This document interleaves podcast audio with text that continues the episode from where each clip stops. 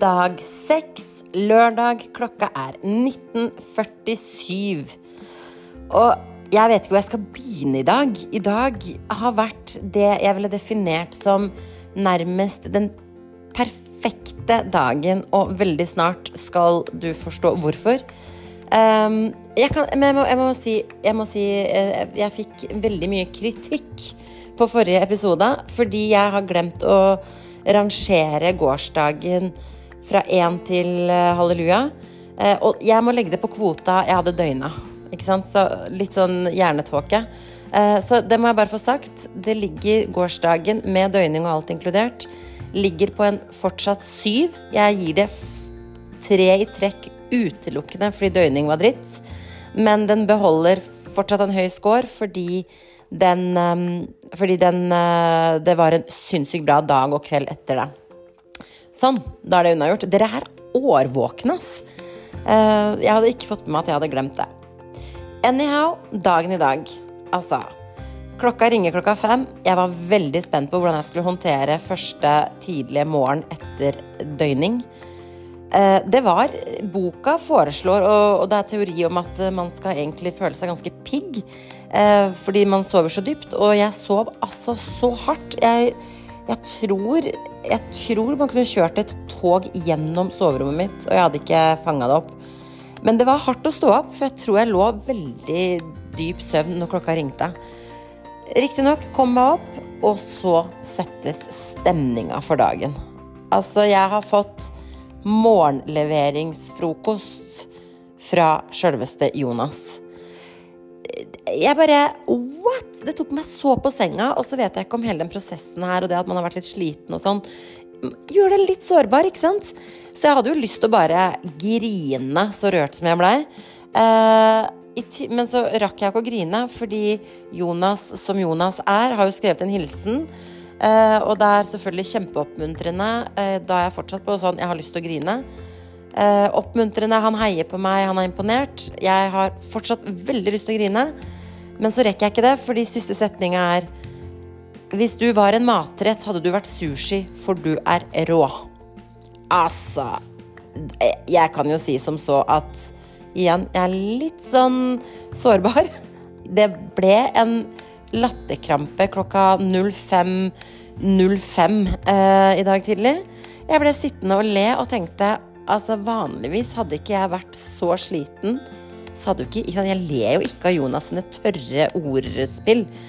Men dette var altså en høydare. Dagens maksimale høydare, og det satt tonen for resten av dagen.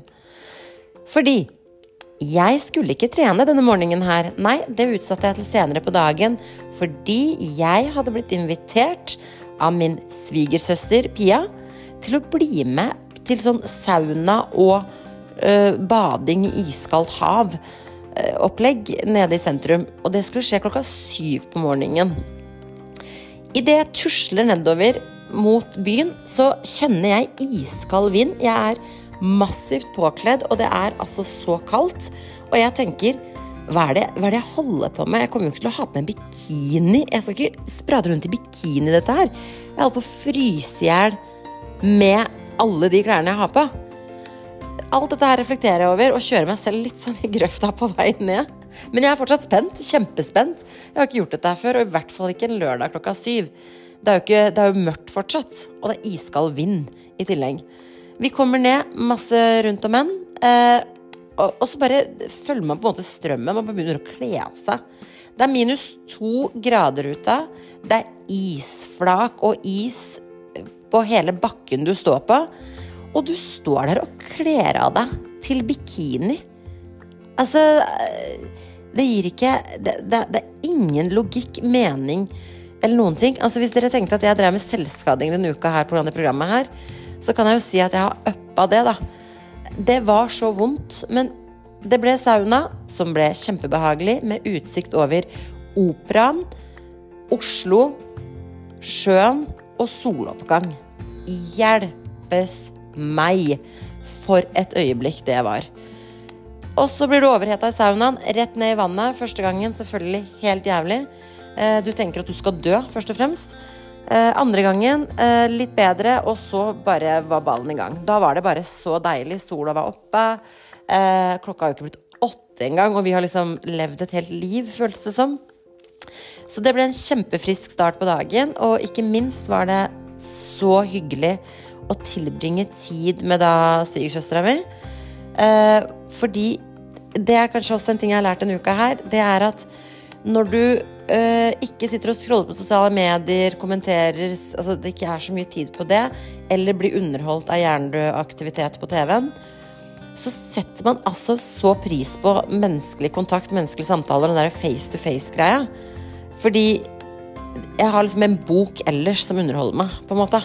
Så det å snakke med folk og tilbringe kvalitetstid med folk man er glad i, eh, har jeg nok i et litt annet perspektiv nå. Kom hjem, spiste frokost, tilbrakte enda litt mer tid med Pia over frokosten. Og så ringer min egen søster og kommer på besøk. Kaffe, sol ute, ikke sant.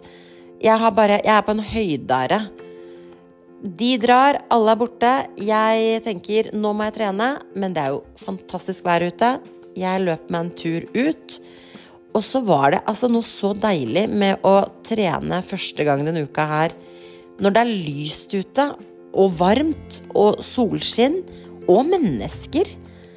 Det var liksom godt med den variasjonen, da, for jeg har jo løpt i mørket mens det har vært snø, og ikke et eneste menneske, menneske som til tider også kan være litt creepy.